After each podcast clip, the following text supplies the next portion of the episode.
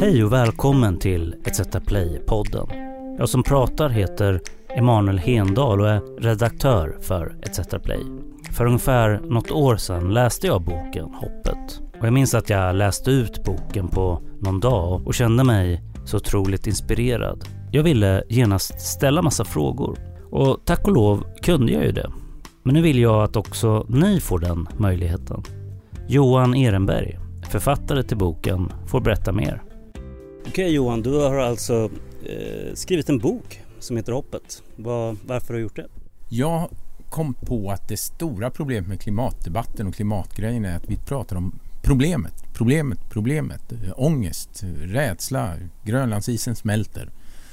Eh, men vi pratar inte om hur lätt det är att lösa. Och hela boken består av korta kapitel som bara berättar om lösningar. Jätteenkla lösningar som man kan använda själv eller framförallt sånt som vi kan göra tillsammans. Eh, vi behöver inte vara rädda för klimatfrågan. Vi måste bara agera. Så att det här är en bok om hopp och hoppet är du. Och det är det som är det roliga med den. Skicka frågor till mig om man har suttit och lyssnat på det här. Och sen ska jag försöka svara på dem. Kör ett kapitel, jag svarar på frågor, så kör vi nästa kapitel senare. Så att, eh, kanske kan vara ett bra sätt att komma igång om man själv är lite orolig för hopplöshet och annat. Men det låter ju som en eh, bokcirkel nästan, eller? Ja, fast vi gör den över hela Sverige på en gång. Vad roligt, men eh, då får de lyssna och sen eh, får de ställa sina frågor. Och sen nästa vecka så svarar du på deras frågor helt enkelt. Precis. Och om frågorna är lite tokiga eller lite så gör det ingenting för att svaren är väldigt tokiga de också. Det är nämligen väldigt lätt att lösa klimathotet. Det finns inga, eller vad säger de? Dumma frågor ger bra svar. Ja, och bra svar behöver dumma frågor. Hoppet. En bok av Johan Ehrenberg. Utgiven av Leopard förlag år 2018 och inläst av författaren själv. Inledning. Det här är en bok om hopp. Om den rena och fina värld som vi kan lämna över till våra barnbarn. Jo, jag är väldigt full av hopp.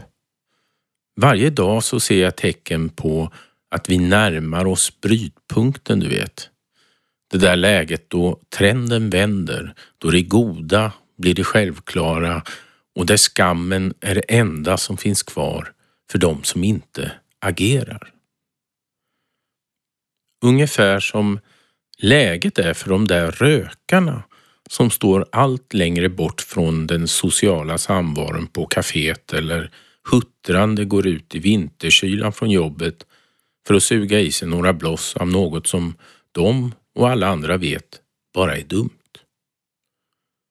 Hopp i en tid då nästan alla texter och utredningar om framtiden handlar om förtvivlan. Förklaringen är enkel. Det är du som är hoppet. Att du överhuvudtaget öppnar den här boken är ett bevis i sig. Allt gott som har skett kommer från dig och alla andra som agerat. Allt det som inte har skett beror på att du möjligen fortfarande tvekar över vad du borde göra. Det är du som är svaret på vårt gemensamma problem, ingen annan. Det finns inte någon som kommer att lösa det här åt oss. Ingen politiker, ingen forskningsavdelning, ingen kapitalfond. Någon, ja det är för övrigt ett ord som jag tycker att vi ska avskaffa. När jag håller föredrag så brukar jag berätta om min pappa som var tv-reparatör i Motala på 1960-talet. När man som barn sprang ner och besökte honom på verkstaden så ropade han ofta att nu har någon tagit skruvmejseln igen. Men det var ju bara han i rummet. Och det där ropet på någon, det hjälpte ju inte heller. Han var alltid tvungen att själv hitta det bortlagda. Det finns ingen någon. Det finns ett du. Det finns ett jag. Det finns ett vi. Det är ju lätt att hitta det vi kan och måste göra. I den här boken ska jag berätta om lösningar och om vägar att gå som jag sett under de här tio år som jag jobbat heltid med just den här omställningen. Hoppet handlar om att vi varken behöver ny teknik, nya pengar eller nya kunskaper för att lösa vårt problem. Jo, vi kanske behöver ett nytt samhälle, men det kommer i så fall växa fram alldeles av sig självt. Trots att jag är socialist och numera kallar mig solcialist ska jag försöka berätta utan att fastna i låsningarna som heter partipolitik. Alla kan nämligen rädda världen. Ja, alla. Hur blir man egentligen optimist? Ja, i mitt fall handlar det om att läsa och studera för att sen göra. Och göra om. Jag började med det här på heltid 2007 och det var otroligt befriande. Det finns inget befriande i ångest och oro över en utveckling. Det finns inget gott i passivitet. Men jag skulle hyckla om jag inte också berättar att det handlar om att jag strax därefter fick veta att jag var dödssjuk i en, än så länge, obotlig cancerform som kallas kronisk lymfatisk leukemi. Efter en period av mörker kom budskapet att jag faktiskt hade några år kvar. Nu har det blivit över tio år och jag vet egentligen inte vad som hände i mitt medvetande men efter några månader av rädsla så öppnade världen sig på nytt. Jag kunde gå ut i trädgården och plantera ett träd och känna hur fantastiskt det var att bara få vara var. För det är det ju. Hur illa en vardag än kan kännas så är alternativet värre. Vi kommer ju alla att dö. Det intressanta är att diskutera hur vi lever. Hur vi använder de här dagarna som vi har. Och jag själv har valt att använda den till den här utmaningen. Hur ska jag få mig själv och andra nära omkring mig och göra det vi måste och vet är det rätta? Hur ska jag få mig själv att sluta vänta och istället göra det jag kan här och nu? Jag ska försöka skriva och berätta om våra möjligheter men också ge praktiska råd och förslag till förändringar. Du får ursäkta om det för dig ibland känns självklart men min ursäkt är att det som är självklart för en behöver inte vara det för en annan. Många tror säkert att det är omöjligt att tvätta rent klimatet. Andra tror att vintersnön gör att du inte kan ha solel som bas för din elkonsumtion. Några tror rent av att det är dyrt att rädda världen. Ingen skriver en bok om en inte är övertygad om att det som berättas är viktigt och rätt. Att skriva är ingen nöje, det är ett jobb.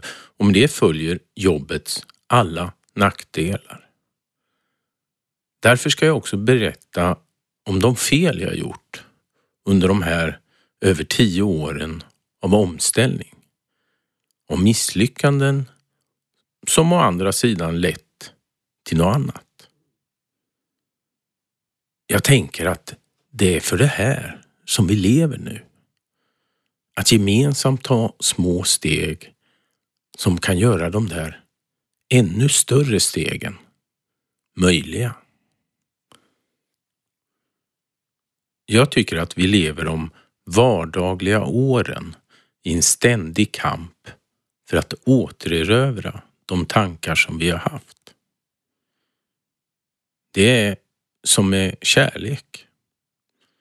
Den finns bara om vi varje dag försöker återerövra den genom att se på varann.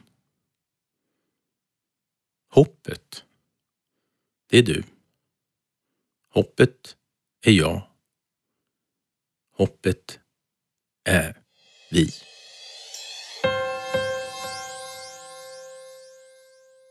Vad kan du göra?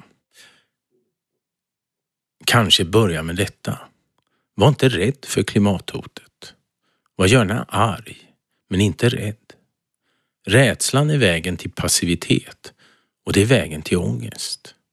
Och ångest, det är jävligt tråkigt att hålla på med. Kapitel 1 Det enkla problemet. Problemet är siffrorna.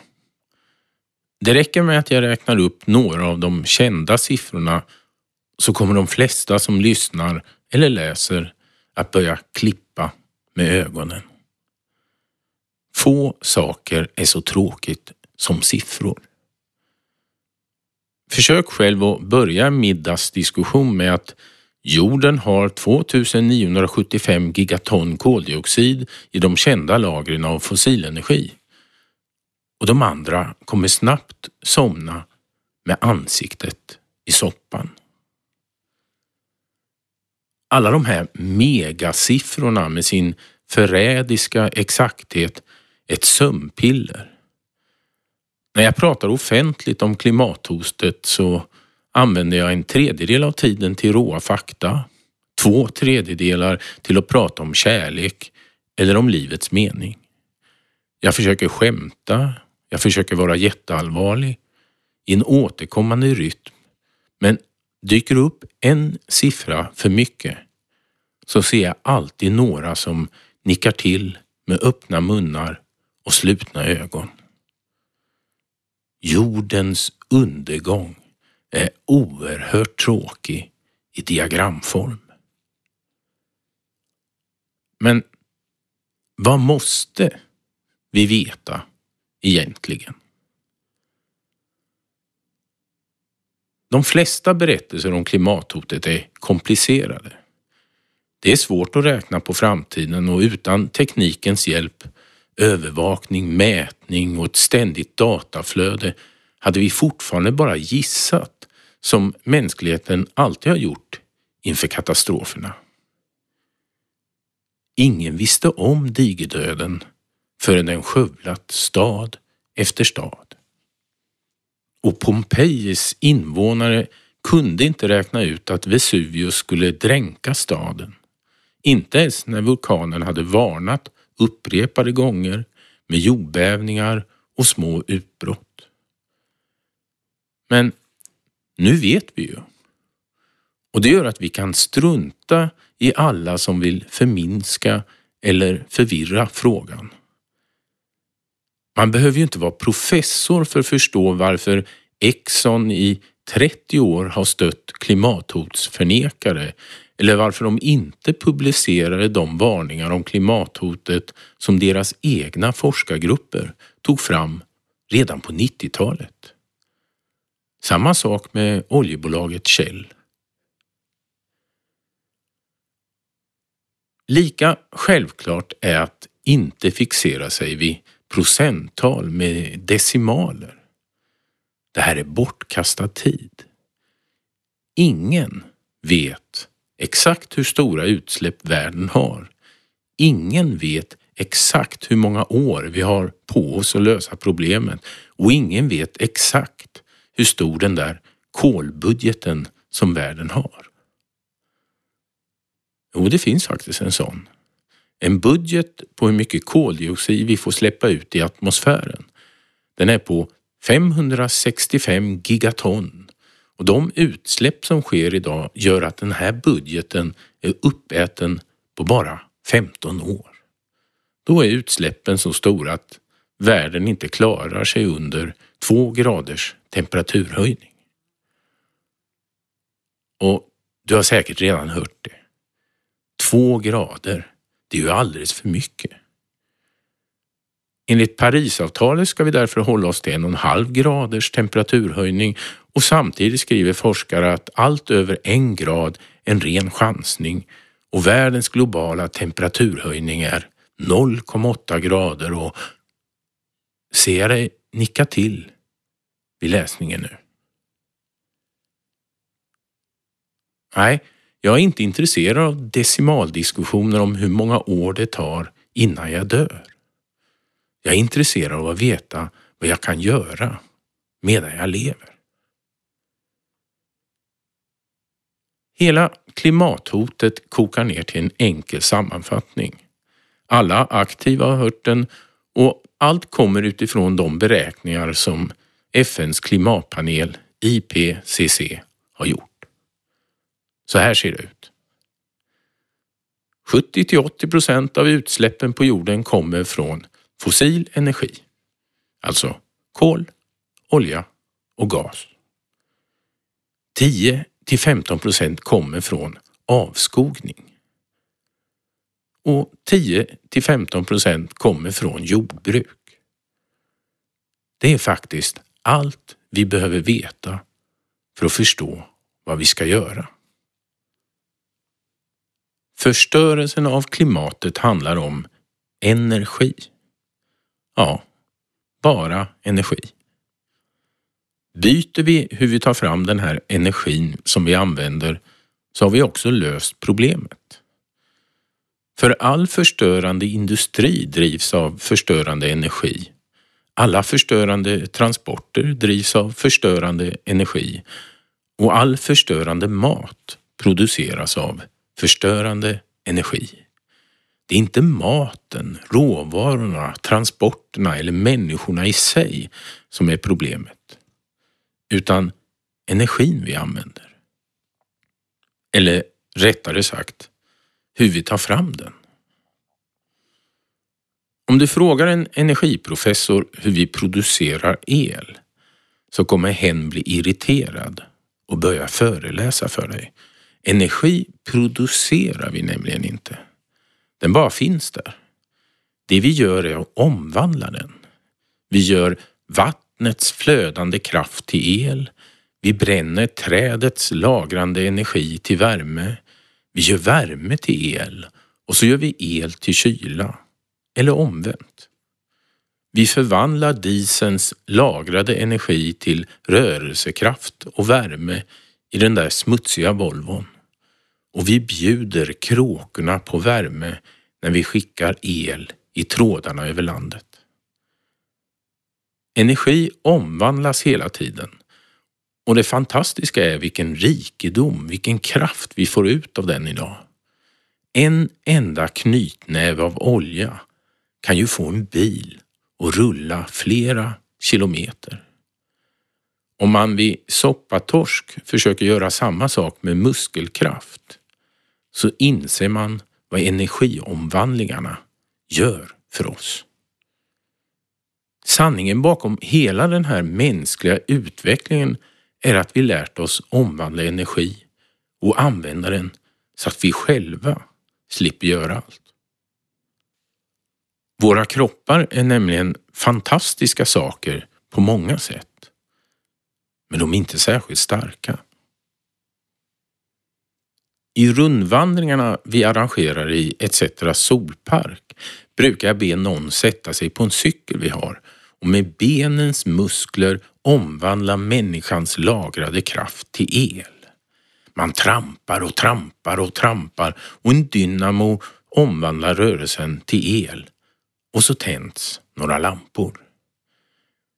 Den som cyklar riktigt bra brukar klara att få el motsvarande 100 watt alltså el till 10 starka LED-lampor. Problemet?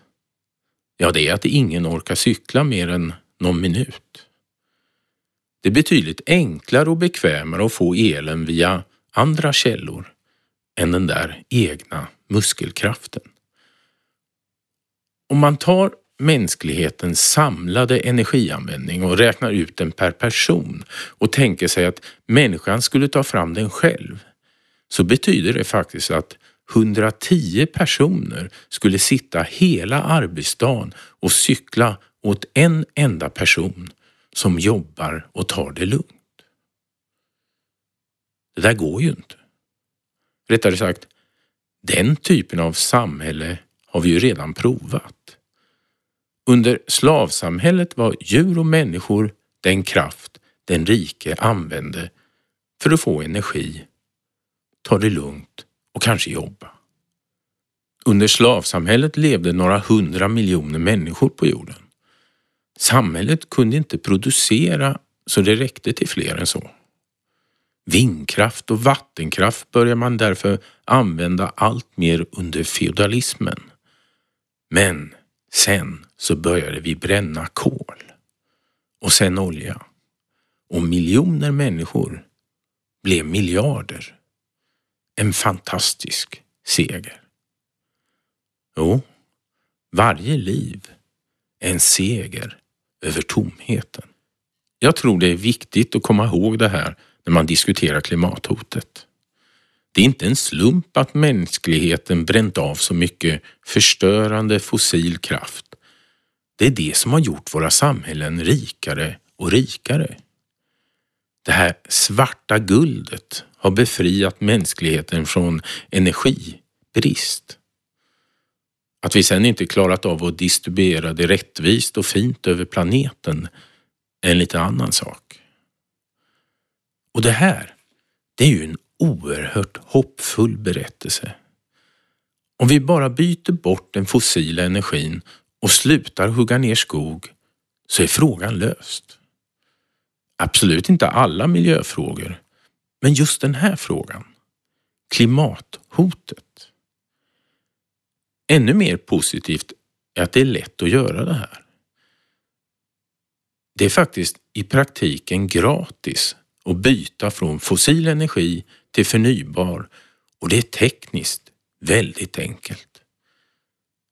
Det enda svåra är att få dagens energisystem att flytta på sig. Och det är där du kommer in. Bara du kan gå före.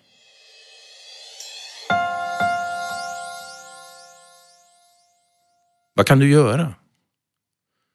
Leta inte exakta svar. Ingen vet hur många gram växthusgas exakt just din mattallrik skapar och ingen vet hur mycket träd pappret i din tidning kostat.